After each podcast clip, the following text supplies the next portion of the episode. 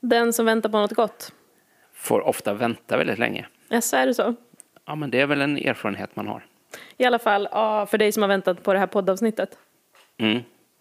Så har du fått vänta länge. Det kom en SJ-kris. Det kom en regeringskris. Ja, Och en sjukskrivning emellan. ja.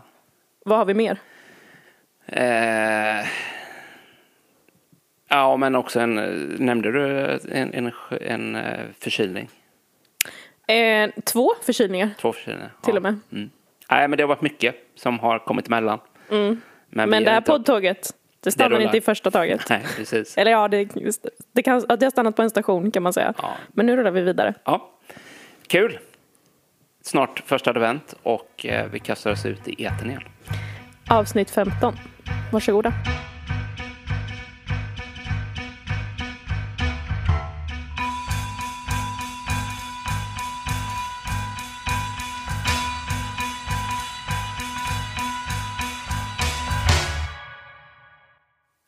Jag har ju gjort det som vi så länge talade om skulle bli av. Ja, jag tror jag, tror jag vet vad vi pratar om. Vad är det jag slutligen har gjort efter åtta års velande? Att du har gaddat dig, du har tatuerat dig. Mm. Var, det, var det det du avsåg? Det var det jag avsåg. När är det dags för dig? Eh, det beror på vilken dag du frågar, tror jag. Eh, Mm, jag frågar idag. Mm. Ja, men sannolikheten är nog ganska liten att det blir av. Men eh, jag har lite för mycket så här, allt eller inget inställning till det, tror jag. Mm. Jag, jag kan tycka att det är, ska det vara så ska det vara. Eh, men eh, man ska aldrig säga aldrig. Nej, det var ett tydligt svar i frågan. Ungefär så tydlig jag är. ja, men hur känns det med lite perspektiv? Eh, jo, men det känns bra med lite perspektiv. Och som sagt, jag har ju funderat på det här i åtta år. Det är få beslut som, som jag har funderat på så länge, men det är också få beslut som så definitivt är kvar för alltid. Mm. Så det var väl bra, kanske. Nej, men det är coolt med eldflammor också, tycker jag. Ja, visst är det det. Särskilt på svanken. Ja, Så det är mycket magtröja nu, Ja, här i det- jultider. ja, det passar perfekt.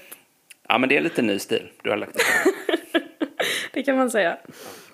Nej men egentligen kanske man inte behöver hålla presskonferens i tatueringsfrågan för det är ju inte superunikt att ha en tatuering. Det är nästan så att det börjar glida över till att bli tvärtom. Just det, det är du som... Mm. Jag är en av, en av de få som står kvar utan. Är det fler som eh, är tatuerade än som spelar paddel i Sverige? Är det, är det samma grupp tror du? Ja, men jag skulle gissa att det är få som spelar paddel som inte har reflekterat över man kanske ändå skulle tatuera sig. En viss känslighet för trender och opinion. Ja, precis. Ja. Ja, Men det är ju ändå så att till skillnad, jag, jag ger det två säsonger till med paddel. Max. jag tror du säger att jag ger tatueringen två säsonger till. Sen Så- ryker den. Sen är det laser. Men det är faktiskt möjligt. Ja. Om man vill det. Ja. Två säsonger till med paddel. Nej men max, sen är det någonting annat. Jag, jag tror att det kommer, vad tror du om lacrosse? Tror inte du att den kommer slå igenom? Nej, men det, det ser kul ut. Det ser väldigt kul ut. Ja, ehm, så skillnaden på tatueringar och paddel är ju att tatueringar, det sitter ju resten av livet. Och jag kan tänka att det är ganska märkligt att vi, jag tror att det är så att vi i allt större utsträckning tycks sakna förmågan att långsiktigt överlåta oss. Eller sakna, vi tränar oss inte i det lika mycket som man kanske gjorde förut. Ehm, både vad det gäller personer och sammanhang. Eh, men att det ändå är så att vi i allt större utsträckning tycks vilja ha något livslångt på huden. Troligen är väl det där en motreaktion. Och det finns också de som hävdar att tatueringar, de tillkommer i en tid då vi vet, vi vet så lite om vår identitet att vi måste pränta in den utifrån. Ja, just det. Är det. Tänker man då att den är en bekräftelse på identitet, en slags påminnelse? Eller är det första steget på att få en personlighet eller identitet? Jag vet inte, men som ett av många uttryck att så här, min identitet är egentligen inte djupt förankrad i mitt inre utan byggs av yttre attribut, typ. Ehm.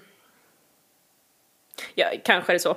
Jag, jag gjorde faktiskt ingen sån superreflektion kring varför vill jag egentligen tatuera mig. Det kanske är du som ska göra den. Ehm.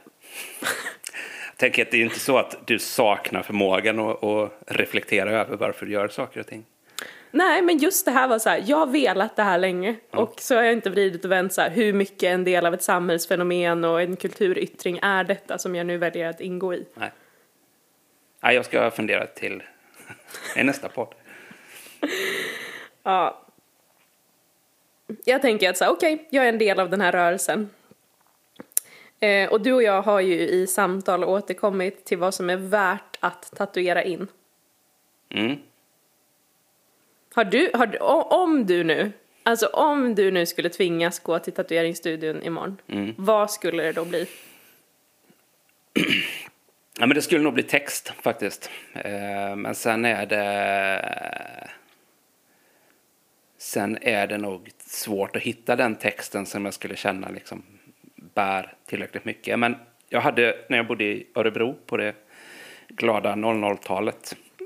Det är väl det sista man brukar kalla 00-talet. Ja, men då, det var ganska glatt där ändå tycker jag. Just det, sett ur ditt eget perspektiv. Ja, precis. Nej, men då, då var vi ett, ett ganska så stort gäng som lyssnade på en grupp som heter 16 Horsepower. Väldigt, eh, väldigt bra. Väldigt speciellt. Um, och där fanns mycket så här, textfraser, så det trycktes upp lite t-shirtar och grejer med olika textcitat. Och jag hade en som jag till slut bar sönder, för man säga. Den liksom föll isär på kroppen på mig, för jag tyckte väldigt mycket om den. Både passform och färg och innehåll. Och där var textfrasen It ain't no sin son to be forgiven. Och det där är en sån där sägning som jag tycker jättemycket om. Det är ingen synd att bli förlåten. Eh, tycker det finns så mycket bottnar i den meningen och jag tänker att oavsett vart livet för mig så skulle det där vara en nyttig påminnelse. Just det. Jag är också, Eller eldflammor. eller eldflammor, ja. För, för jag har också funderat på det där med, med ett, det är ganska många så stora, vi har pratat om det tidigare här, men så här kärnfulla och stora formuleringar som jag har tänkt på det här med att liksom, det kan man tatuera in och leva och dö Mm. av och för. Men om du skulle ha ett citat, då skulle du lyssna på tidigare avsnitt av Mellan himmel och bord. Precis, det finns rejält med underlag. Många av dem är tyvärr lite långa, Ja. eh, beroende på hur stor Tatuera tatuering. in ett helt avsnitt. Helkropps. Ja. Nej men ord och formuleringar. Jag är ju, jag brukar tänka att jag är både svag för och stark på ord. Eh, att jag är svag för formuleringar och ja, men som letar sig rakt in i existensens kärna och jag ägnar mig gärna åt att hitta de mest målande, träffande och tydligaste meningarna för att beskriva både det som jag upplever är verkligt och tydligt och det som är nästan overkligt och det jag trevar i att liksom går det på något sätt att beskriva det här även om jag knappt vet vad det är. Men med åren så tycker jag att jag har blivit mer och mer, eller jag tror att det är så, jag hoppas någonstans också det, att jag har blivit lite mer ödmjuk inför det där. Alltså hur träffsäkra formuleringar och förklaringsmodeller jag än finner i mitt eget eller andras ordförråd så blir det tydligare och tydligare tycker jag att alla beskrivningar är och förblir en, en reduktion av en så mycket mer komplex verklighet. Och med reduktion menar du inte då ett koncentrat utan en... Det kanske är fel att använda ordet reduktion. Ja, men jag tänker om man i matlagning sysslar med reduktion så är det väl att man kokar ner och liksom tar bort det överflödiga tills det är någon slags liksom kärna. Just det, visst brukar man göra det med grädde? På Sveriges Mästerkock. Ja, kanske. Men jag tänker framförallt så typ en rödvinssås. Den ska ju reduceras. Då ska ju det mesta koka bort. Tills det allra mest, tills det, tills det allra viktigaste är kvar bara. Ja, det är Eller själva tills, liksom essensen kvar. tills det är ett koncentrat kvar. Ja, ja men okej. Det drar åt det hållet, men skalas ner Mm. typ, skalas bort så. Och, och det var ju också därför, alltså för tidigare när jag övervägde de här åtta åren att tatuera mig så har jag ju tänkt att det ska bli ett citat. Men just utifrån det jag precis sa så eh, blev det inte det utan jag valde något som var mer möjligt att röra sig kring än en formulering. Jag tänker i alla fall så att ord är mer statiska än bilder. Eh, och därför blev det då istället en del av ett 500 år gammalt konstverk där originalet sitter i en kyrka från 1400-talet. Och eh, tatueringsstudion jag besökte, den ligger precis bredvid en kyrka från 1800-talet. Så på något sätt så kände jag att jag är en del av historien här. Det var också kul när jag kom dit för att min mamma var ju på besök. Mm. Eh, och när jag uttryckte för henne, vet du vad du ska få följa med och göra? Eh, så var hennes spontana reaktion, nej! Det kanske är allas mammors reaktion när man bjuds med till en tatueringsstudio, jag vet inte. Ja, det tänker jag ändå skulle kunna vara en del i, Ja. i rollen. Det kanske ingår. Eh, det var också så att då hon droppade mig på tatueringsstudion och sen så eh, gick hon över till eh, den här eh, kyrkan från 1800-talet och var så hej då! Ring när det är klart, jag vill inte se det. Och sen när hon kom eller när jag var klar så visade det sig att min swishgräns var uppnådd. Eh, Så det blev ju hon som fick komma in och betala för min tatuering. Eh, Så det blev ju inte riktigt vad hon hade tänkt. Kanske det där. Hon blev ändå delaktig. Hon blev verkligen delaktig. Är det inte det? Jag tänker på att motsvarigheten till plo- Plonkan is at home. Att det är numera swishgränsen är Ja, det. Ja, Det finns liksom inget att göra då. Ja, men jag tänker på språket då. Att det är och förblir det viktigaste verktyget som människor har för att förstå varandra och världen. Så har jag ofta tänkt. Och du ägnar ju, en del, du ägnar ju dig en del åt faktiska verktyg. Mm. Det tänker jag rent fysiska. Ja. Ja. Finns det verktyg till allt?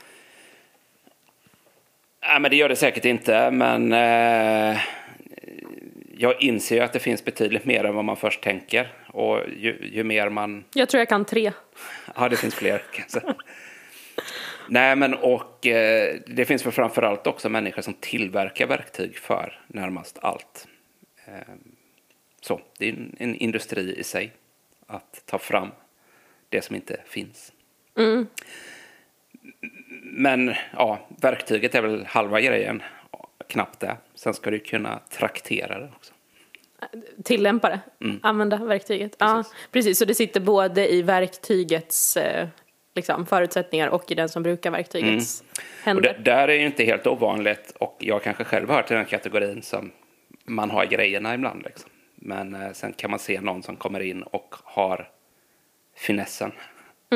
Och då spelar det ingen roll vilket verktyg för att eh, det finns en dimension till i det där. Just det, det är det man brukar tala om som handhavande fel när det inte funkar. Ja. Felet är inte Nej, verktyget, precis. felet är den som brukar det. Exakt. Den mänskliga faktorn.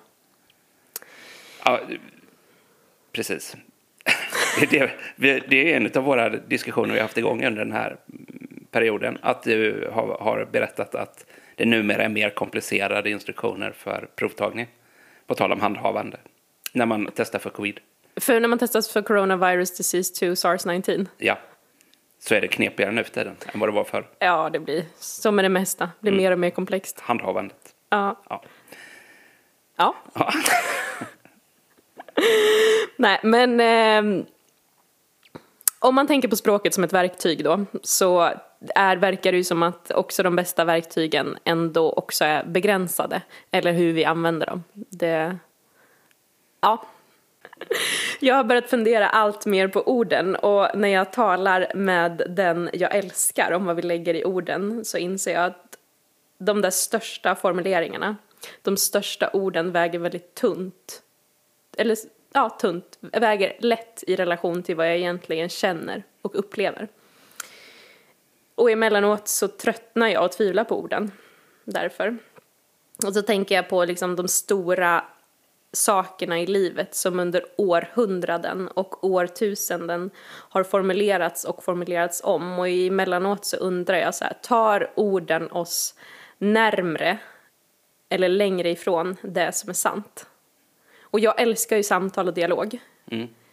Eh, men ibland så upplever jag att de mest ord, ordrika människorna, att det går inte att komma nära dem.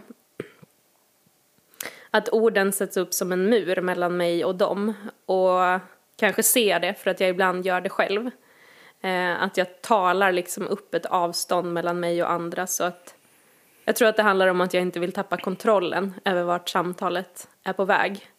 Eh, ibland styr jag med mina ord på så vis. Så ord kan ju både ena och skapa distans. Det kan både målande beskriva men också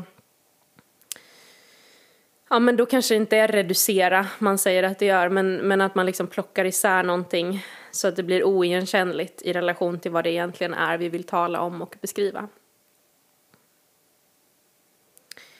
Och du och jag är ju en del av en kristen tradition. Mm.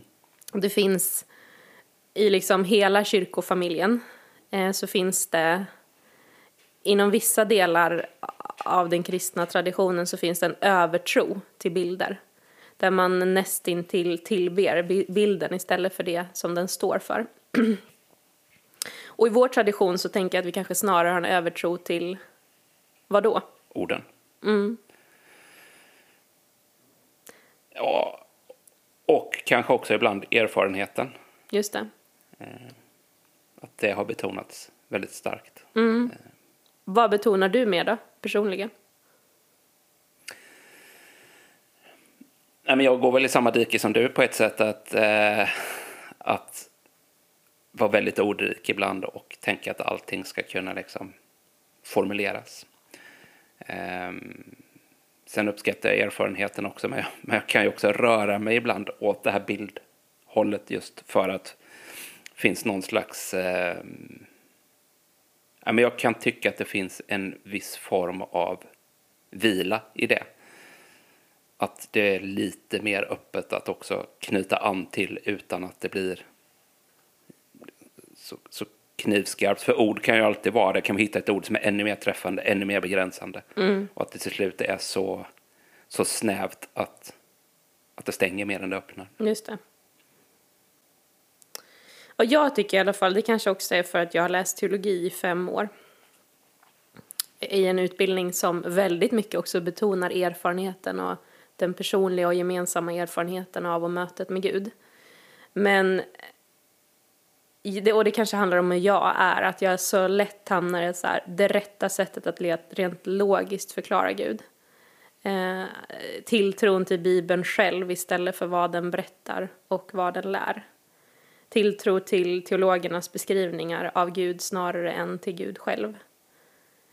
Och så inser jag att när jag tänker på de här sakerna att både bild och text är förenklingar. Och kanske är det så vi behöver förhålla oss till allt mänskligt. I alla fall det som har för avsikt att beskriva det gudomliga. Att det är bilder av människor, språk av människor, ord av människor. Och att det är och förblir en skugga av en så strålande, mättad, komplex och mångfacetterad verklighet att den aldrig fås ner på papper i bild och text. Så tänker jag på det faktum att du och jag, vi, vi förkunnar ju evangeliet. Är det ens möjligt att göra det?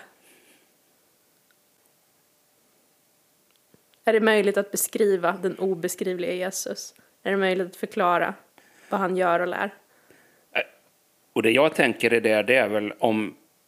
Jag tänker att det är omöjligt om jag går in med avsikten att berätta ett färdigt facit men om jag däremot tänker att det här är en del i någonting större. Eh, sen är fortfarande frågan om kan, kan vi ens formulera en sån del helt färdigt? Nej, och på det sättet så, så vill jag nog tänka, försöka tänka när jag både, inte minst när jag själv formulerar saker och ting, men också när jag lyssnar till andra som formulerar det. Att inte ta allting som en färdig sanning utan snarare också ett, ett, en del i en process. Mm. Ja, det är nog en del i det, tänker jag. Men jag tänker på den här, alltså att, jag, att när jag liksom har upplevt ja, men att jag längtar efter att beskriva den obeskrivliga Jesus. Att det är ändå en längtan som finns i mig. Just det här att sätta ord på, att förklara det som inte går att förklara att där för mig så blir det väldigt tydligt att jag har ett behov av en tilltro till Gud själv. Eh, nej, han låter sig inte liksom monteras ner till en bild eller beskrivning. Men han kan lysa igenom och ge klarhet och insikt om större saker än, än jag och vi förmår formulera. Eh, och på något sätt är det det som blir slutstationen i min i när jag åker på den här resan där jag funderar på bild och ord och erfarenhet och när har jag någonsin fångat in Gud i vad? Så där tar min gudstro vid. Och jag har inte längre på samma sätt en övertro till min beskrivning av Gud. Eh, ibland kanske jag har det, jag vet inte. Men tidigare har nog min tilltro till mitt sätt att beskriva Gud varit betydligt större än vad den är nu. Snarare tycker jag att det går allt djupare i mitt liv att när jag säger saker om Gud så behöver jag räkna med att hans andedräkt blåser liv i orden som känns platta i relation till den levande Gud jag lärt känna. Mitt liv bär inte upp de ord jag försöker sätta på Gud. Det gör enbart och djupast Gud själv. Och jag tänker att någonstans, jag gjorde reflektionen kring varför jag valde en bild som tatuering. Det kanske var där tanken gick åt istället för att fundera på på vilket sätt är det här ett uttryck för den samtid, den kultur jag lever i.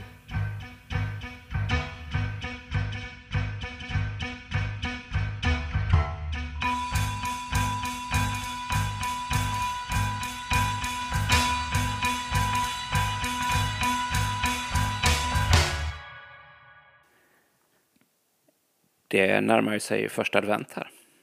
Ja, det är roligt. Mm. Vad, vad har du för planer för, för helgen? Jättemånga roliga. Mm. Ehm, på söndag så har jag tänkt fira första advent i kyrkan, men som jag startar lite på lördagskvällen med en julkonsert i Allianskyrkan. Och innan dess har jag för avsikt att besöka häktet. Ja, mm. just det. Eh, vad har du för relation till, till julmusiken? Eh, ja, men eh, varm ändå. Mm. Det är viktigt att det inte börjar så tidigt. Det Nej, just det. Sådär. Men eh, absolut, det, jag är glad varje år när den kommer. Ja. ja men, eh, jag har faktiskt med mig ett litet eh, test till dig här då. Mm. Eh, och då kommer du att få höra lite textfraser ur olika julsånger. Vad kul! Jag mm. älskar julmusiksångernas texter. Framförallt. Det kan nog vara blandat kanske, beroende på. Jag, ska säga, jag tänker ganska brett, men det här är sånger som hör årstiden till, både av mer sakral och profan karaktär. Okay. Så, mm. ja, så att det finns en viss bredd i det. Och då, du har ju ändå någon slags tävlingsinstinkt i dig. Men den har jag lagt av mig nu. Mm. I julens tecken. Ja, precis. Nej, men du kommer faktiskt få möjlighet här då för att jag, jag kommer att översätta några lite texter till dig. Jaha, till? Då, det är det som är grejen. Om du vill tävla om ett poäng, ja. då översätter jag till norska. Okej. Okay. Vill du tävla om två poäng, så är det engelska. Tre poäng, spanska. Och fyra poäng är holländskan, som ändå är lite besläktad. där man ibland kan snappa upp något ord sådär. Vad kul att du har blivit så... Eh, du har ägnat dig åt att studera språk under den gångna perioden, eller? jag kommer ta hjälp. Du kommer ta ja. hjälp, okej. Okay. Mm. Och eh, det, det, kan ju också, du som lyssnare då, kan ju hänga på där hemma. Men eh, däremot så är det ju du som väljer vilken svårighetsnivå då, mm. som, som vi går in med. Kan man lägga till hebreiska? Nej, det finns inte i Google Translate. Jo, det gör det. Gör det? Mm. Ja, okej. Okay. Ja, det, nej, det kan man inte för jag har inte laddat ner den varianten.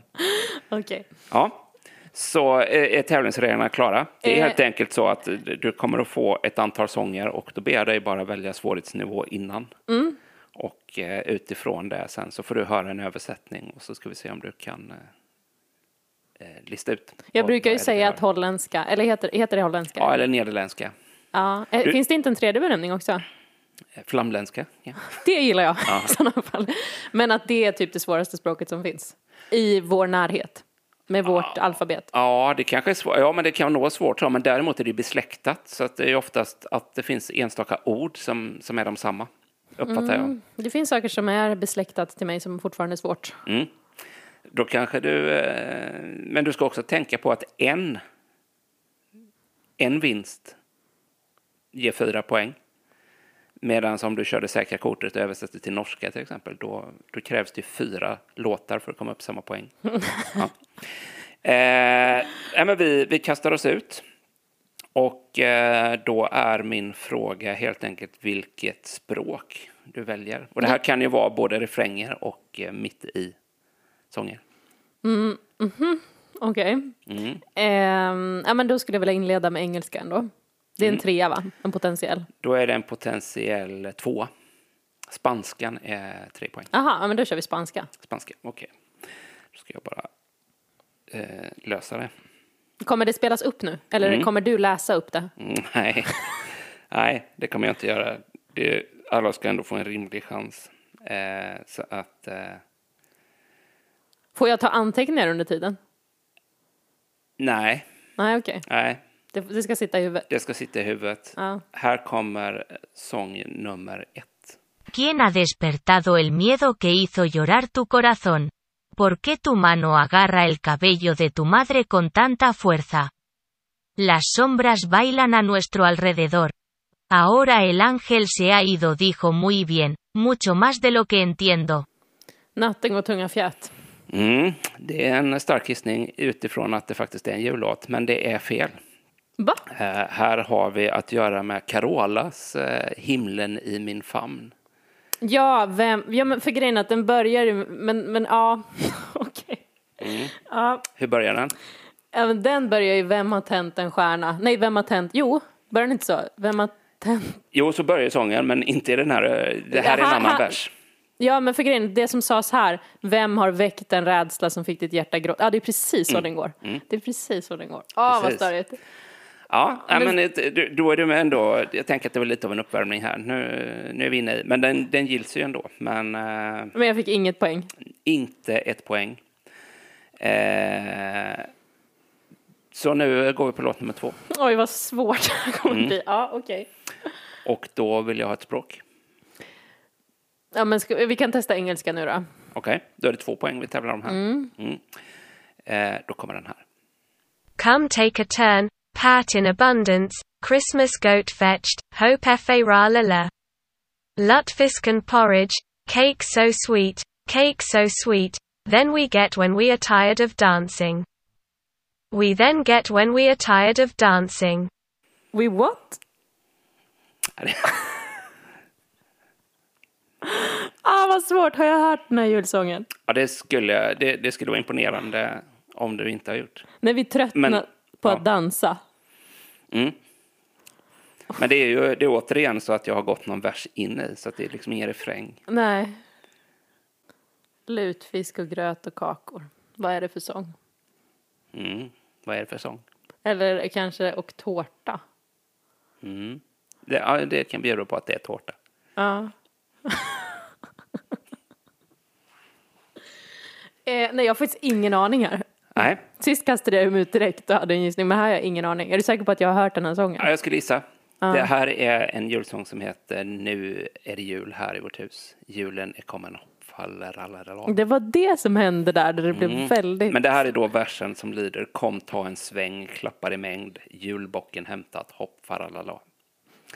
Lutfisk och gröt, tårta så söt, tårta så söt. Får vi sedan när vi tröttnat dansa. Ja, men det här skäms jag faktiskt inte ens över inte kunna, för det här är Nej, inte det en är, bra en svår, det är julsång. en svår vers. Ja, och den är inte Eh, bra heller. Nej, så, så kan det ju vara. All right. Eh, sång nummer tre. Men jag vill... Nej, okej, nej, det var inget. Nej. Sång nummer tre. Mm. Eh, Och ett språk. hur många chanser kommer jag ha i det här? Hittills har jag noll poäng. Hittills har du noll poäng. Eh, du kommer få sex stycken försök. Eh, ja, men, och då kanske jag ska ge en liten ledtråd här innan. Det här tror jag, den här tror jag inte du kommer säga, har jag hört det här? Utan här tror jag du kommer säga, ja men det här, sätter du texten så, så vet du vad det är. Okej, men då kör vi spanskan igen då. Spanska. Tre potentiella poäng. Då är det 3 procents poäng. Precis. Porque la Navidad es maravillosa para grandes y pequeños, es la alegría y la paz más dulce. Son palmaditas y árbol de Navidad y baile de anillos también, la felicidad es infinitamente dulce. Es brillante, todos los ojos irradian en su mejor momento, y las estrellas brillan más. Alltså det är så långa partier du har valt. Alltså, det, jag, jag tappar bort mig. För att nu har jag redan glömt vad det var från början. Julen är för, för stora och små. Det är den. Det, julen är här är det. Nej, är det inte så den heter? Eh, men får jag höra början igen då? Julen är underbar för stora och små. Underbar är nog inte ordet som söks på svenska, men det... Vad är det? Alltså... Jag, uff, eh,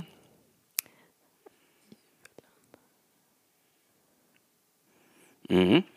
men är inte den... Nu, Och lyser frid på jorden, glädjen är stor ett barns glada ögon bor den. mm. Det var ju någonting med Estrella Skibrillan. Den har vi väl... Eh, Har vi redan kört den? gjorde vi inte det? Nej, det har vi inte gjort. Eh, för det har varit Carolas, Vem har tänt? Och sen var det nu är det jul. Ja, nej men det här är ju då, det här, jag, jag vet inte, det här är också en julsång som jag tycker är medelmåttig. Men jag är ganska säker på att det är den, julen är här. Nej, Nå, sluta! Eh, vi måste, kolla, måste dubbelkolla det här, men jag är ganska säker på att det inte är det. Eh, för den svenska översättningen är här. Ty julen är härlig för stora och små, är glädje och ljuvaste frid, är klappar och julgran och ringdans och så, är lycka oändligen blid. Är ljus alla ögon då strålar som bäst. Den har jag aldrig hört mycket. som mest. Det strålar en stjärna.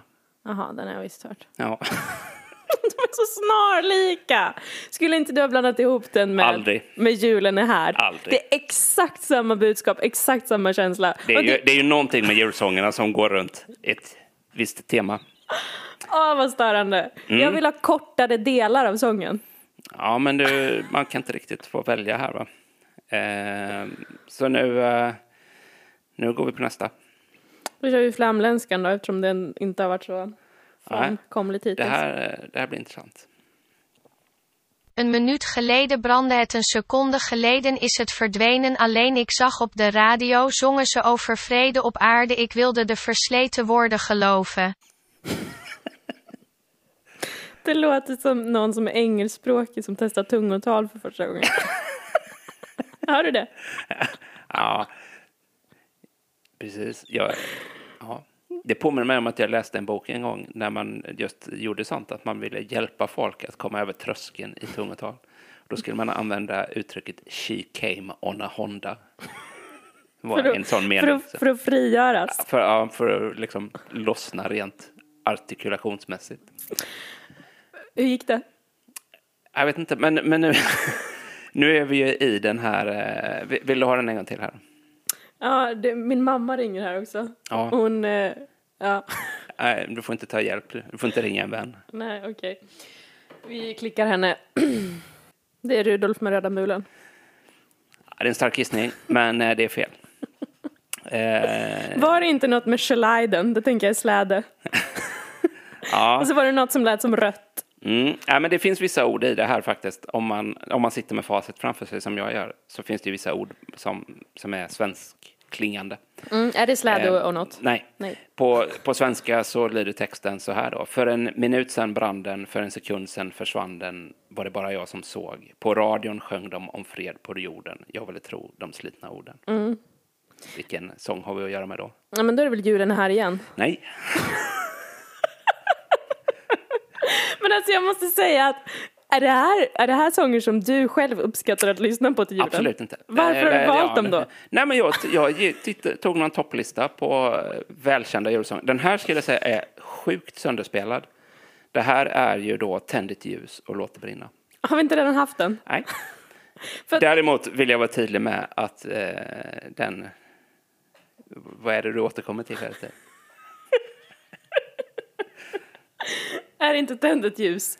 Eller var det det? Här är Tänd ett ljus. ja. Ja, nej men du, du har en sista... sista... Men, men kan du själv säga att det är en viss kategori julsånger här? Eh, som, som egentligen, nu kanske jag trampar någon på tårna, men av de som har varit hittills så är det ingen som jag frivilligt skulle slå på. Och Nej, då finns det ändå men- mycket julsånger jag Men då, då vill jag att vi, vi löper linan ut innan du gör några sådana utfästelser. Då, Okej. ja, men då säger vi så här då. Den här skulle förvåna mig om du säger den här tycker jag absolut inte om. Nej, men förvånar det dig att de vi hittills har lyssnat på, att jag känner det, det, är nu du, det är nu du drar fram min julskinka har rymt och säger den här jag tänker att Stina Nej, skulle förvåna men, mig om men inte eh, gillar det den. strålar en stjärna till exempel, tänker jag kanske att, att, du, att du skulle så tydligt förakta den. Det, det var oväntat. Vänta, vi måste bara, hur, hur gick den? Det strålar en stjärna. Nej, det, det tar vi inte nu. Eh, nu tar vi då en... Eh, ja, men den här tror jag... Den här, den här tror jag du tycker om. Är det här min sista chans att få poäng? Nej, det finns faktiskt en till sen. Får jag ta spanskan igen eller? Det får du göra. Och den kommer här. El trono al que asciende está en la casa de su padre. El poder que inaugura es amor y luz. Su alabanza de bocas tiernas simplemente proclama gracia y paz. Bendito el que viene en nombre del Señor. Ja, det är eh, Hosianna Davidsson. Välsignad vare han som kom i Herrens namn. Ja. Men jag vill bara säga att här Men eh, däremot skulle jag säga, vad har vi med att göra med för sång här? var det inte det du sa? Du, man kan säga att du gav två olika svar, tror jag. Men det är det här, alltså, om jag skulle få ta en papper och penna så tror jag att jag hade satt 80 procent. Mm. Men jag skulle säga, den här sätter du ju fast du sätter fel rubrik på den. Välsignad vare han som kom i Herrens namn. Och så sjunger man Hosianna. Ja, men det. Man inte det. det är väl alltid rätt? Nej, jag, Vänta, jag, vänta. jag är generös här. Och jag skulle säga att man sjunger och snarare bered en väg för Herren. Ah. Men vad var det han sa i början? Han som sitter på tronen med makt och ära. Den tron som han bestiger är i hans faders hus. Det välde han inviger är kärlek blott och ljus. Hans lov av späda munnar blott nåd och frid Ja, det där är ju vers nummer 15 som man aldrig någonsin sjunger. Nej, Sex. jag tror att vi sjöng den senast igår. Nej. Jag är helt säker på att vi inte sjöng den där versen igår. Okej. Eh, Jag är nästan säker på att jag inte har hört den. Oj. Men jag tycker om den. Ja. Bra. Nej, men där bedömer jag att du ändå får poäng. Du, du visste ju vad du for efter. Ja. Även om du kallar den för Hosianna Davidsson. Skulle jag kunna få föra anteckningar på den sista? Ja, Tack. det får du göra. Jag har liksom inte minnet för att komma ihåg tre formuleringar i rad som jag direkt översätter i huvudet. Nej, just det, skulle jag, för- det skulle förvåna mig om någon annan har det. Mm, men då kan jag säga den här är kanske då, det var generöst av mig att låta dig få ta anteckningar. Men här är det ganska så kort. Jaha. Det här rör sig alltså om en mening. Okej, men vi kör, Men, den, men anteckna om du vill. Men eh, vi kör den på engelska. Det är kanske troligt att lyssnarna i större utsträckning kan engelska än mm, spanska. då är det två poäng vi, vi jobbar med här. Så hittills har jag... Ja, får återkomma till det. Ja, men du har väl... eh, Jag fick förbered en väg för ja, Herren slash. Hosianna Mm. Davidsson. Ja, här kommer sista då.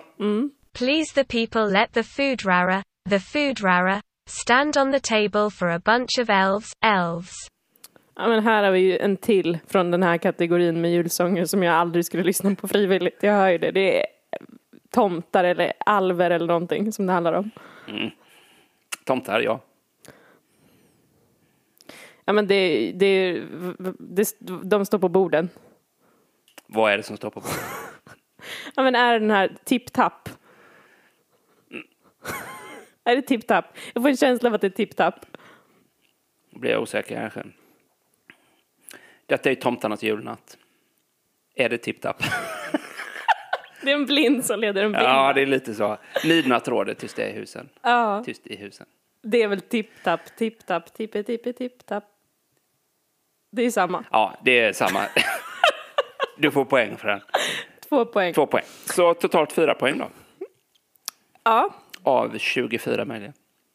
jättekul tävling, men Mm. urvalet med sånger. Jag förstår att du riktar kritiken vidare till någon Spotify-spellista. Ja, eller... Eller ja. din egen Spotify-spellista kanske? Absolut inte. Men- Men jag skulle säga att det, det är ju inte som så att det här är någon smal artist som gjort en egen eh, jullåt, utan det är ändå hyfsat välsjungna i skolor och delvis också då kyrkor. Mm. Ja. Men då kanske det är att jag uppskattar de sakrala julsångerna mer. Mm. Som... Ja, vilken är din favoritjulsång? Eh... Ja, jag, jag, Två jag, får du säga. Auff. Nej, men just nu lyssnar vi jättemycket på Jonathan Johansson och Molly Sandén hemma som har en jätteotippad jullåt som vi tycker mycket om. Som kom förra året. Heter den En jätteotippad jullåt? Nej, det heter inte. Den heter Come What May. Någon, någonting. Eh, sen är jag nog svag för eh, lite olika varianter av Silent Night. Mm, den är fin. Tack. Själv? Eh, Midnatt, råd. den tipp-tapp som den heter. Nej men jag är ju, det är ju jag och hela, jag tänker att alla tycker att det här är den absolut bästa julsången, den som jag nu tänker på. Ja, och det är, O heliga natt. ja, det är fint. Alltså dels är det en show-off i, i röst för den som kan. Mm. Den, Kan också vara tvärtom. den exkluderar också ett antal. Men texten tycker jag är helt otrolig att beskriva liksom att Jesus kom till oss och vad det innebär för oss medmäns- eller så här, mellan, mellanmänskligt. Så den tycker jag jättemycket om. Sen Kul. finns det uppenbarligen ett antal som jag inte tycker jättemycket om. Mm. Men två poäng, fyra poäng, tre poäng, vad blir det? Fyra poäng. Ja, Ja, bra jobbat. Eh, tack så mycket. tack.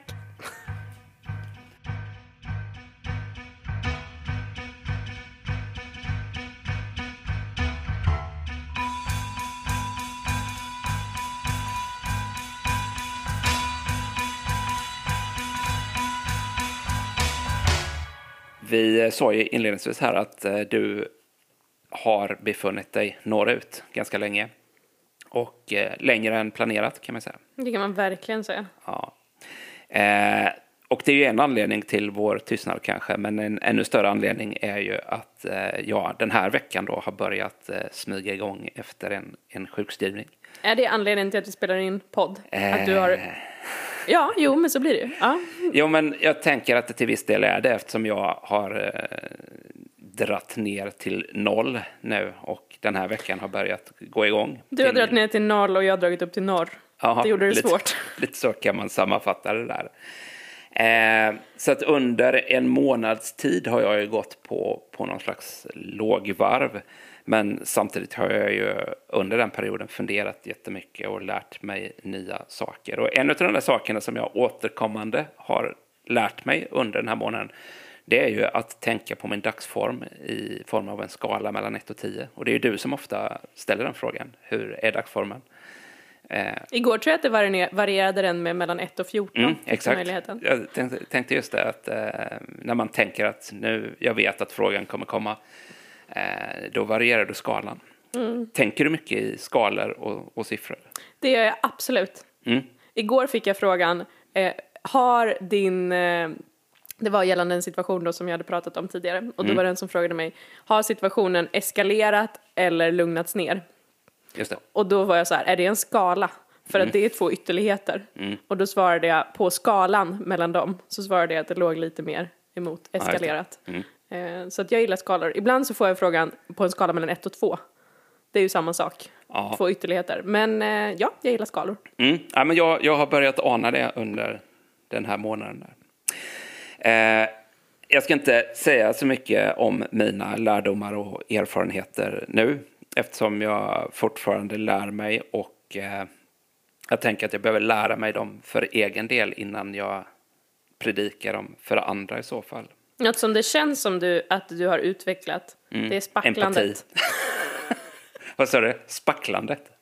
Ja, är, det det känns som att jag ringt dig flera gånger när du har spacklat. Eller är det något annat ord du har använt? Ja, jag har inte spacklat ett, ett jota. Däremot jag har fogat har jag. Ja, just det. Ja, mjukfog. Drar åt samma håll. Ja, det gör det. Kladdig massa som ska in någonstans. Ja, verkligen. Så, så är det. Eh, men eh, ja, mjukfogat har jag gjort en hel del. Har verktygen hållit nivån? Hållit mig levande. ja, men det tycker jag. Eh, det är faktiskt en av de saker jag har känt en glädje över att eh, eh, kunna hålla igång lite med. Sen är det lätt att gå in och tänka sig att ja, men nu, nu ska jag få göra något annat och jobba praktiskt. Sen har jag väl varit så pass trött så att det har blivit rätt kort. Min fru skrattade gott åt mig igår för att jag, jag hade tänkt att jag skulle sätta upp reglar på en vägg och så hade jag sedan länge kapat till dem. Och så sa jag, ja, men nu ska jag göra det. Och det slutade med att jag klyvde den första brädan så att den passade in. Och sen gick jag och la mig och glömde att jag hade börjat. Så det satt en bräda.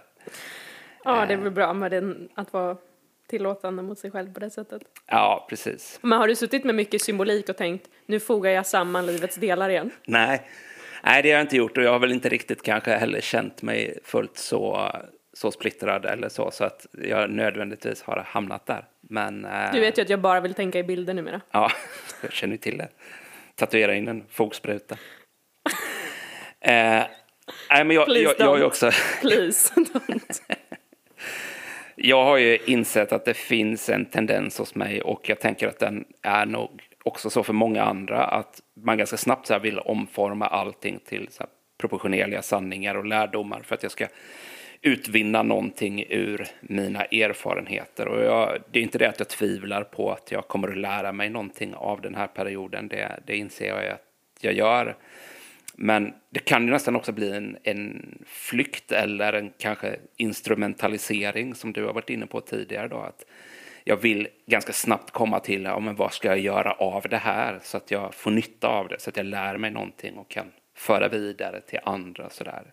Jag vill paketera och systematisera allting ganska så, så snabbt. Då. Eh, och det där tänker jag är en, en utmaning som man då också möter i kyrkan som, som ledare och som för oss då som pastorer. Eh, och så har jag påmints om just den här vikten av att det behöver finnas processer som, som är mina egna. Inte för att de är superkänsliga eller för att de är särskilt spektakulära, men just för att de behöver få vara, det behöver få vara min resa. Och det behöver få vara mina erfarenheter. Eh, och där kanske poängen är mer vad jag kan eh, lära mig av det, mer än att jag ska ha det som ett slags råämne för att kunna lära andra någonting av det. Samtidigt så, och det här har vi sagt innan också, så, så finns, lever ju vi i en kultur som drar oss i en annan riktning. Vi uppmuntras ju att kontinuerligt dela så mycket som möjligt och det finns teknik som gör att vi närmast i realtid då kan dela med oss av vad som händer i våra liv. Och jag har en ganska så här sparsmakad hållning i sociala medier, men eh, jag har ändå tänkt på det där att det är så lätt att peka på sociala medier och säga att det där är ett problem. Men jag tänker att det snarare är ett symptom i så fall på ett, på ett annat problem. Eh, Det är bara verktyget för att knyta an till det du sa innan. Då. Mm, det är ju inte riktigt så att vi lever i de, de fördoldas kultur. Nej, eh, så är det ju inte. Men precis just därför, eh, det kanske är snarare kulturen som är sån än att det är sociala, just för att vi har fått verktyget så, så hamnar vi där. Utan, Men sen är det ju som alltid en växelverkan Absolut. däremellan. Ja, Hönan och ägget diskussionen. precis. Eh, Vad ofta man ägnar sig åt just den. hönan och ägget. Faktiskt nästan varje gång jag är hemma vid och äter frukost med min pappa. ja. Mm. Jag tänkte att ni mer ska syssla med skalor, för han är ju naturvetare har jag förstått. Han är naturvetare till yrket men eh, hobby eh, i... Bonde. Vad sa du? Bonde. Hobbybonde är han inte. Nej, jag tänkte han höll på med hönor och ägg. Nej, mer, det, det var mer den filosofiska Okej, frågan. ja, det. så det är mer sånt, Just det. kanske på hobbynivån. Då. Eh, nej, men när jag nu då inför det här podden började fundera på vad är det som har rört sig i mina tankar så finns det mycket och jag ska inte gå in, gå in på allt där då utifrån det här. Eh, men eh, du och jag har ju också hållit igång en, en dialog under den här tiden, eh, om än inte i poddformat. Vi hade ju kunnat spela in telefonsamtal så Det hade vi haft till exempel content. kunnat göra när jag facetimade dig från min sjukbädd. Ja. Som ju var den stora anledningen till att jag blev kvar i Umeå. Att jag drabbades av, Exakt. alltså den samma, alltså eftersom jag inte varit förkyld på ett och ett halvt år. Nej. Kom allt. Och när jag ringde upp dig på Facetime så sa du oj, du ser verkligen risig ut. Ja, ja men då, och då började du ju också använda mig som bollplank för eh, eventuellt andra sjukdomar också. Kan det vara det här? Eh, men det visade sig att det var en förkylning. Men det var bra för jag frågade ju dig då, när kommer jag vara, kommer jag någonsin bli frisk igen? Du utlovade att det kommer du vara på lördag. Ja, blev det det? Det visade sig att man kan lita på dig. Ja, det, är det något man lär sig så är det det. Eh, nej, men när jag, det finns ju processer som, som liksom har varit mina, som jag har haft och har och sådär. Men, men när jag också har funderat på, på de sammanhang jag rör mig i så, där, så har jag både i samtal med dig men också för egen del tänkt mycket på det här med kulturer. Eh, inte då kultur i betydelsen musik och eh, konst och dikter och teater. Utan mer kulturer i betydelsen eh, ja, sammanhang eh, och gemenskaper. Men ska vi inte en gång för alla fastslå vad kopplingen mellan de två begreppen är? För att Ja, man så det. ofta vill göra distinktionen. Att nej men jag menar inte den här sortens kultur utan jag menar det här. Mm. Det är ju inte två olika begrepp av en anledning tänker jag. Kultur handlar om hur vi lever tillsammans. Mm. Eh, de konstnärliga uttrycken kultur Hjälper oss. Nej. hjälper oss till vad? Att fundera på hur ska vi leva tillsammans. Ja, du tänker att det går från det hållet. Jag Mm. tänker att det är projektionsytan för vad människor lever, på, lever i och tänker på. Att eh, det kommer ut i form av kultur, kulturella uttryck. Sen så formar ju de kulturella uttrycken å andra sidan livet. Så Mm. där har vi hönan och ägget igen. Men att för mig är inte det två vitt skilda saker. Nej, men det, det är bara viktigt för mig sådär att jag... är viktigt för mig, nej det är det inte, men för att det här resonemanget någonstans ska bli begripligt så behöver jag förtydliga att jag funderat mycket på vad är det som formar våra gemensamma liksom, processer och sådär. Eh, men, men det är ju en intressant koppling. Ja, det är nog inte jag som har kommit på den kopplingen. Men... Jo, Jo. det säger vi. Ja, okej. Eh, nej, men och, och, och ibland tänker vi att kultur är någonting som uppstår, liksom, att det är någon slags slaggprodukt. Att liksom, möts människor tillsammans, så rätt som det är så blir det en kultur. Och, och så kan det ju vara. Men jag vill ju tänka på det på ett annat sätt, att kultur är någonting som skapas. Att det är någonting som vi gemensamt formar eh, utifrån ja, värden som vi tycker är viktiga. Då. Så att jag, jag har funderat jättemycket på det här. Hur bygger och formar vi hållbara kulturer som, som vi vill leva i? Och det här är någonting som sker i massa olika sammanhang hela tiden. Det sker i företag, det sker i föreningar och, och i enskilda människors liv och sådär. Eh, Eh, och under de här veckorna så har jag följt en granskning i lokaltidningen här Jönköpings-Posten där man har följt, eh, eller man, man har eh, granskat Svenska kyrkan i Jönköping och så har det funnits då kritik framförallt kring frågor om arbetsmiljö där. Och jag ska inte gå in och redogöra för allt som har stått där och tankar och så kring det. Men i en ledare då i eh, JP så fanns det en mening som jag reagerade på. För där stod det så här då. Och det läser ett lite längre sammanhang. Att ytterst handlar Svenska kyrkans oförmåga att leva som man lär om trovärdighet. Människor är varken perfekta eller ofelbara, men ska man göra sig till uttolkare av ett kärleksbudskap måste prestige läggas åt sidan. Samtidigt måste kyrkan vara en modern arbetsplats där tron är sekundär. Vad Det är det du ska tatuera in. Ja, eh, nej, det ska jag inte göra. Och jag kan ju känna igen en del av sakerna som skrivs och annat kan jag känna, nej men det där känner jag inte alls igen.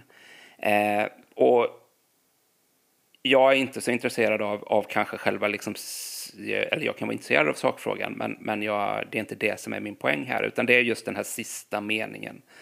Att kyrkan måste vara en modern arbetsplats där tron är sekundär. Och jag rycker ju den här texten lite ur sitt sammanhang nu. Eh, men jag tycker att den där meningen verkligen sticker ut. Och eh, för att vara tydlig då så tänker jag att kyrkan, eh, både Svenska kyrkan och Missionskyrkan och alla kyrkor, det är klart att det ska vara bra arbetsplatser och det är klart att man ska ta tag i arbetsmiljöproblem. Så att den delar jag till fullo och det uppfattar jag också att Svenska kyrkan gör. Eh, och som jag sa då så, så eh, är det ju så för min del att eh, jag, jag är sjukskriven och det gör ju att jag funderar på saker både hos mig själv och i mitt arbetsliv som är sånt som jag tänker att ja, men det här kommer behöva justeras för att jag ska kunna hålla över tid. Eh, men också för att det här tror jag är viktigt för att vi ska forma en god kultur i, i vårt, våra sammanhang. Eh, men hur man än vänder och vrider på den där meningen så tänker jag att den skaver. För det är som att det finns en slags, vad man brukar kalla en falsk dikotomi, alltså en, en, en osann föreställning om att det måste vara det ena eller det andra. Och i det här fallet så blir det ju då att om kyrkan ska vara modern, ja då behöver tron vara sekundär. Eh, och jag kan har mina funderingar kring vad, vad menar vi med att någonting är modernt. Men Jag har framförallt svårt att se varför tron skulle behöva vara sekundär om kyrkan ska vara en god arbetsplats. Jag kan liksom inte se hur den meningen går ihop. Eh, utan tvärtom tänker jag att tron kan i högsta grad vara primär. Eh, och det kan fortfarande vara en väldigt god arbetsplats. Ja, tron är ju utifrån mitt perspektiv primär för att vi ska tillåtas och ges utrymme att vara människor, Mm. tänker jag. Mm. Ehm, att jag tänker att en av moderniteten, om man pratar om att vara modern, det kommer ju moderniteten som vill kartlägga allt och ja men apropå det vi pratade om Mm. tidigare, en väldigt, en stor övertro till människan egentligen och människans förmåga att lösa problem och skapa rationella strukturer. Eh, och moderniteten har bidragit med en hel del bra saker men kanske gjort en överbetoning på människans förmåga. Mm. Och i tron så finns det ju, i gudstron så finns det ett annat perspektiv som tillåter mig att, ja för det är min erfarenhet i alla fall, att nej, jag blir aldrig, alltså människan blir nästan mas- maskin i modernitetens perspektiv. mm. Och där tänker jag att tron är fallskärmen som, eh, som skyddar oss från det. Mm. Mm. Nej, men precis, för, för att jag, jag tänker att om tron ersätts av annat i första rummet, eh, om tron blir sekundär i relation till verksamheten eller ja, vad det nu är, då tänker jag att vi har förlorat kontakten med själva grundfundamentet.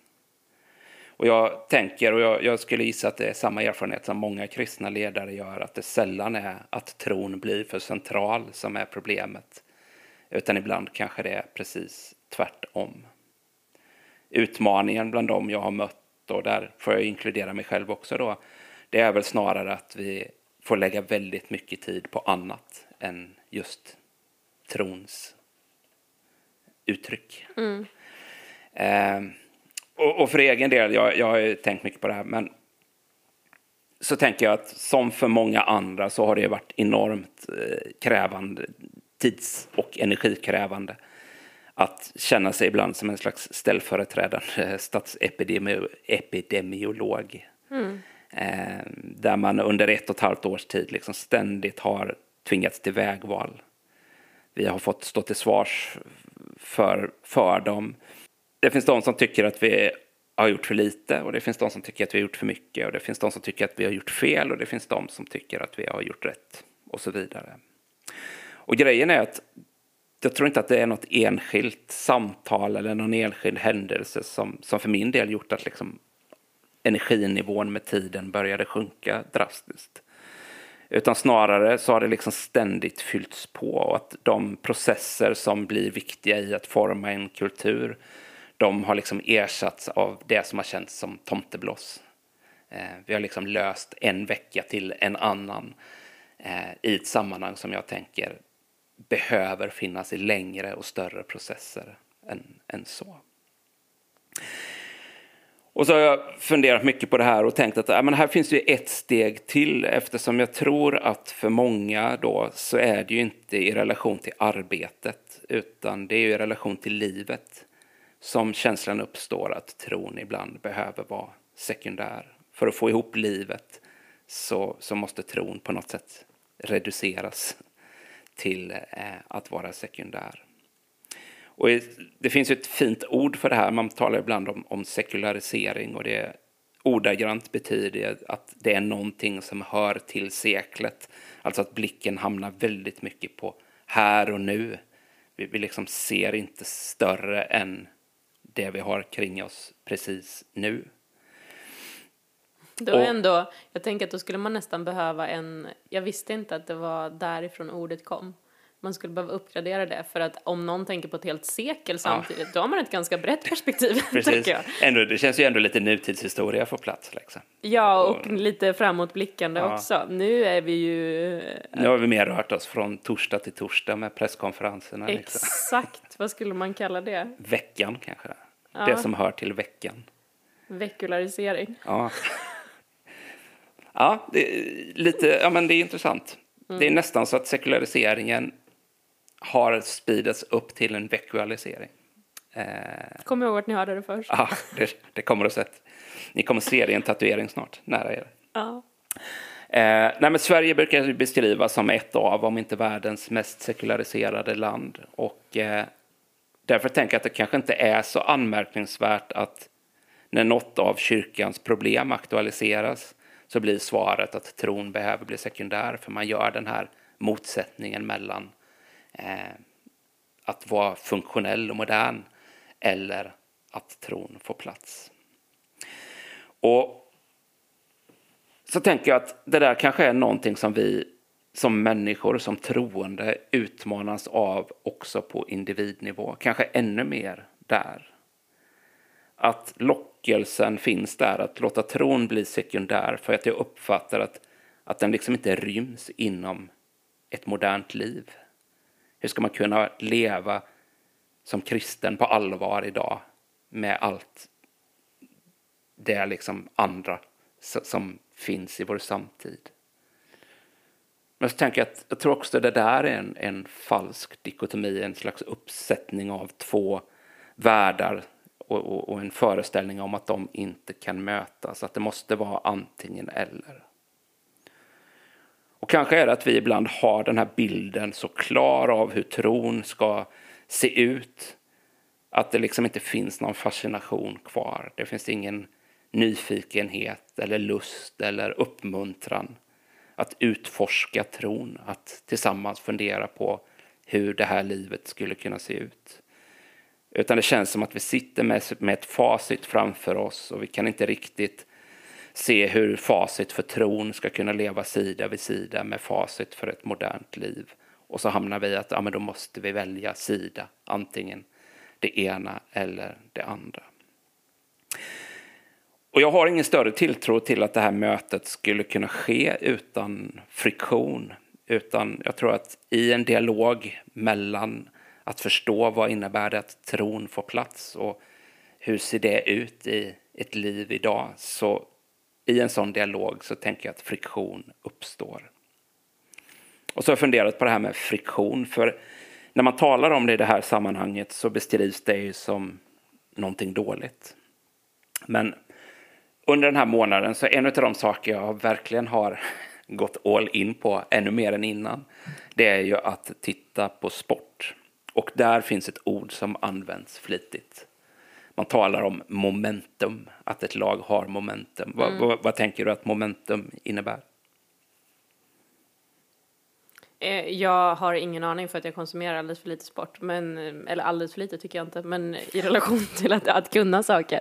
Eh, momentum tänker jag att man är i en, ett läge av att det är nu det händer, eller? Ja, typ. Alltså att, att det är flyt. Att, att det är flyt, ja men jag ser det på en liksom i, jag ser det på x och y-axeln som var väntad. I derivering, du vet. Nej. Nej. Nej. Okej, okay. ja, nej okej. Okay. Mattelärarens dotter är tillbaka. Det är ju när man räknar ut eh, hastigheten i en särskild punkt. Okej. Okay. Eh, en, en topppunkt. Ja, okej, okay. nej. Klipp där. eh, ja. Nej, men precis. Eh, men du, du är ju inne på det, du tänker ju naturvetenskapligt kring det också. För det här ordet används ju som att om ett lag har momentum, det är så här, men nu går det bra för dem. Vad de än gör så liksom faller det väl ut. Eh, både i matchen eller kanske i en period på säsongen. Att liksom, ja, men de, de har flyt nu och värvar de en spelare så lyckas det och så vidare. Ja. Köp en lott. Köp en lott, ja men precis, passa på när, du, när det liksom går bra. Eh, och ursprungligen då så kommer ju det här begreppet, det handlar ju om rörelsemängd och då, då närmar vi oss eh, det naturvetenskapliga där. Om att någonting har kommit i rörelse och att det fortsätter i, i samma riktning. Hmm. Men då tänker jag, för att inte bara göra en, en, en utvikning i ämnet kring momentum här, så är det också så att om någonting ska komma i rörelse så behövs ju friktion. Eh, och när jag nu har suttit och tittat mycket på sport under den här perioden så en av de sporter jag tittar på med eh, fascination det är Formel 1. Nej. Jo. Och där finns ju två begrepp som man använder mycket om. Då. Man talar om traction, alltså fäste, att en bil behöver ha liksom bra grepp. Är det en, en sammanslagning av track och action? Det vet jag inte. Nej, jag, jag tror snarare att det faktiskt är ett ord om vi slår upp det. Att traction handlar om, om fäste. Eh, eller liksom, ja. Men då talar man traction och så talar man om downforce. Och downforce det är ju då hur mycket trycks bilen ner mot marken. Och då är det ju som så att om bilen trycks ner jättemycket mot marken, ja men då tar ju däcken slut för snabbt. Och om bilen inte alls trycks ner mot marken, är då får du Kommer inget man fäste ingenstans. och då kommer du åka av banan i kurvan. Så att det handlar hela tiden om att söka rätt mängd friktion. Och fascinationen i Formel 1 är ju att det är så, det är så otroligt liksom, ingenjörsinriktat. Så att det är så små, små justeringar man gör och så tjänar du en tusendel sekund och så genom det så vinner du över din konkurrent. Och då tänker jag på det här med friktion och den här processen av att få ihop livet, det, det kristna livet. Eh, att inte det blir en isolerad del i relation till det andra. Utan att i den här friktionen som uppstår när tron får möta liksom resten av livets utmaningar. Att kanske inte vara så rädd för den friktionen utan snarare fundera på hur kan den se ut? Så att i det mötet däremellan någonstans vi hittar en balans. För att balansera upp det här, för att få det här momentum som gör att, att det finns en rörelse, att den rörelsen liksom kan, kan bibehållas. Eh, nu blev det en, en eh, lite mat, matematisk naturvetenskap. Tror du att majoriteten av de som kollar Formel 1 tänker så här? Kring, eh, alltså att man teoretiserar kring sporten på det Ja, sättet? absolut. Nej, men, och jag har inte gjort det innan, men det, och det har ju att göra med att det är väldigt mycket så den kommenteras. Att de som sitter och kommenterar gör ju det väldigt mycket utifrån eh, att nörda in sig. Så det är en otroligt nördig sport på det sättet. Då.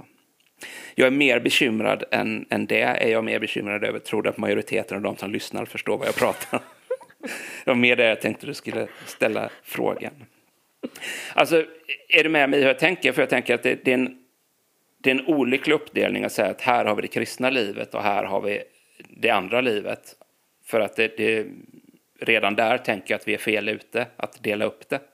Men om man ändå som, som ett tankemässigt experiment ändå gör den uppdelningen så tänker jag att det är i det här mötet däremellan att det måste få ske.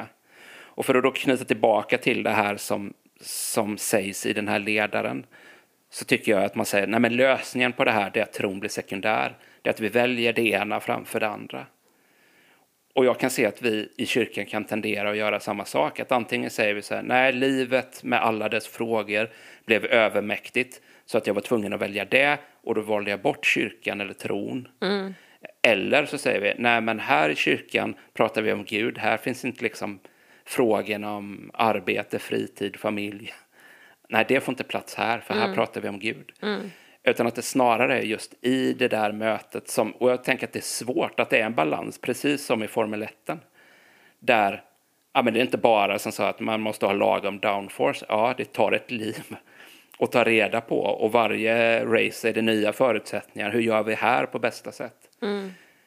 Och så när jag funderar på det här med hur kyrkan formar kulturer, ja men det kanske är just det här vi behöver på något sätt hjälpa varandra till.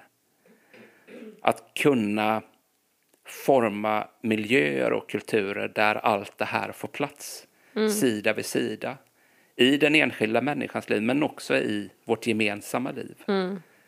Eh, och det där upptar jättemycket av min tanke och jag har liksom inte några superfärdiga svar. Men så kommer jag att tänka på Anselm. Känner du Anselm? Av Canterbury, tänker du? Eh, säkert. Jo, men det, det är väl han som är av Canterbury. Den, han fanns för länge sedan. 1300-tal kanske? Ja, kanske. Medeltida i alla fall. Ja. Han formulerade ju ett uttryck som, som lever kvar. Han talar om fides querens intellectum.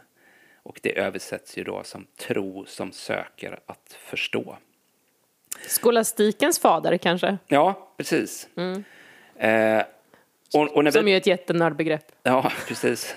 Här pratar vi downforce. Det är, det är brett i relation till skolastiken. Eh, nej, men när vi använder det uttrycket så gör vi det väldigt ofta i relation till logiskt resonera för kristen tro, vilket jag tycker är ett, ett liksom, det är jättebra. Det behövs eh, att tänka på det så, att försöka förstå tron på det sättet. Men jag tänker att kanske det också där det här behöver få föras med vidare därifrån. Att inte det bara handlar om att intellektuellt fundera kring tron som begriplig och rationell. Utan att den här ingången att leva med en tro som söker att förstå också bära med sig det in i det här mötet mellan liksom livet och Bibeln och tron. Eh, att det får ske i oss var och en, men också då i den här gemenskapen. Att det är när vi tillsammans med Gud och med varandra nyfiket får reflektera över trons bredd, längd, höjd och djup som någonting uppstår som, som faktiskt är möjligt att leva och där, där det här momentum uppstår som gör att tron sätts i rörelse och någonstans lever. Nej men för mig är friktionsbegreppet jätteintressant. Eh, ja, uppenbarligen. Men, men att, att så här, risken, eller det, ofta så vill vi ju värja oss från friktion och det är ju också för att vi lever i en kultur där all form av lidande och motstånd och eh, smärta ska reduceras. Jag måste, jag måste jobba om, det, reduceras, det ordet vill jag gärna använda men kanske använder det fel. Ja, det, minimeras, minimeras vill det göras. Eh, och att det därför då så, okej, okay, ska friktionen ha ett egenvärde? Eh, men så tänker jag på, på, på liksom, okej, okay, men vi tänker att tron, ja men det är det som har sitt ursprung i Guds rike.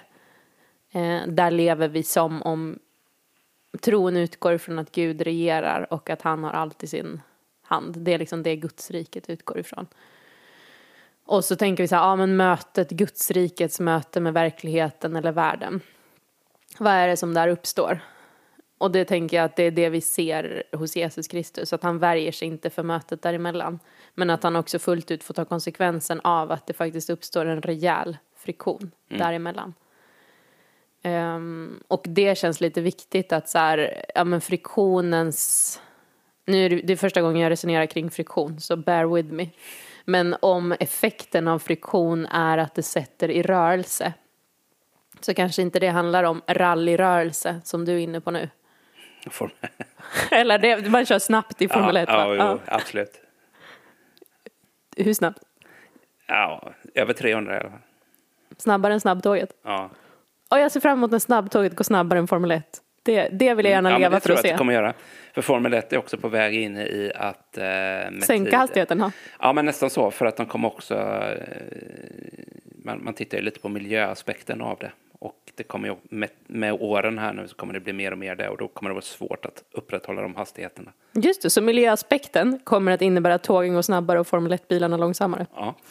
Precis, eh, och eh, det vi kan lära oss av det det är att målet med friktionen då inte alltid är att hastigheten ska öka kanske. Nej.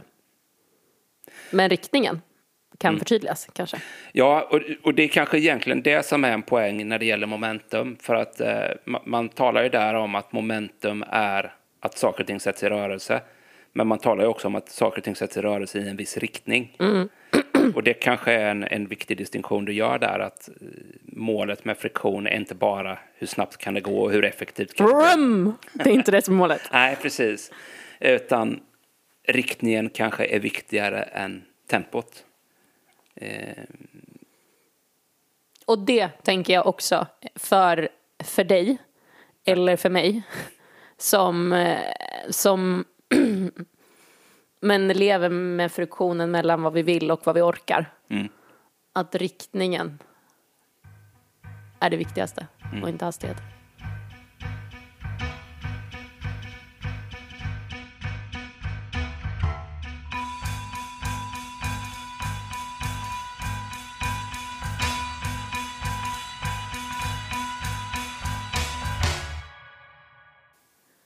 Har du tryckt på play? På rec. Okej. Okay. Ja. Jag tänker mycket på det här att det typ har gått ett år sedan jag kom hit. Till Bankeryd. Ja, just det. Eh, till, eh, vi är ju i mitt hem nu. Mm. Att jag har varit bofast här i ganska precis ett år nu. Just det. det. Och eh, den erfarenheten du till viss del har gjort den senaste månaden. Eh, ja, jag beskriver det ju som att ramarna i det handlar om att man vill och längtar efter mer än vad som ryms i ork. Mm. Så beskriver jag det för mig själv i alla fall. Sen kan man diskutera, okej, varför vill och längtar jag mer än det jag orkar? Lalala. Vad är det i kulturen? Just det. Men eh, för mig känns det i alla fall, och det kanske är särskilt när man går in i liksom jultiden, att det är så förknippat med vissa, alltså igår när jag plockade fram adventsstjärnan, som jag nämnde inledningsvis här, Som är bakom mig. den är bakom dig men den hänger inte i luften utan den står på fönsterkarmen. Ja. Eh, så finns det ju någonting i det där årligt återkommande, att man ställer i relation till hur var det förra året när. Mm. Och eh, det är stor skillnad på hur det känns för mig att leva och bo här nu och då. Eh, den känslan går jag in i jultiden med. Och liksom, ja, tiden har gått och. Och för att vara tydlig kan man säga att det har rört sig i en positiv riktning också. Det är Absolut. här, för vad härligt det var för ett år sedan. Precis. Nostalgiken i mig. Nej. Nej. Nej, det är en härlig, det är en härlig plats eh, du bor på. Mm, det tycker jag. Ska vi tipsa om någonting? Mm. Det kan vi göra. Jag tänkte säga, vi kan ju tipsa om platsen du bor på. Jag hänger en, en del här också. I, I faggorna. Inte just specifikt i ditt hus, men i miljön. Det är en härlig miljö. Men det kanske vi inte ska tipsa andra om. Nej. Eh, nej. Eller? Nej, Ja. det, nej, men det måste få vara lite, lite en väl förborgad. För det är ju ingen som vet var jag nej, bor. nej, det är jättehemligt. nej, men eh, vad har du att tipsa om?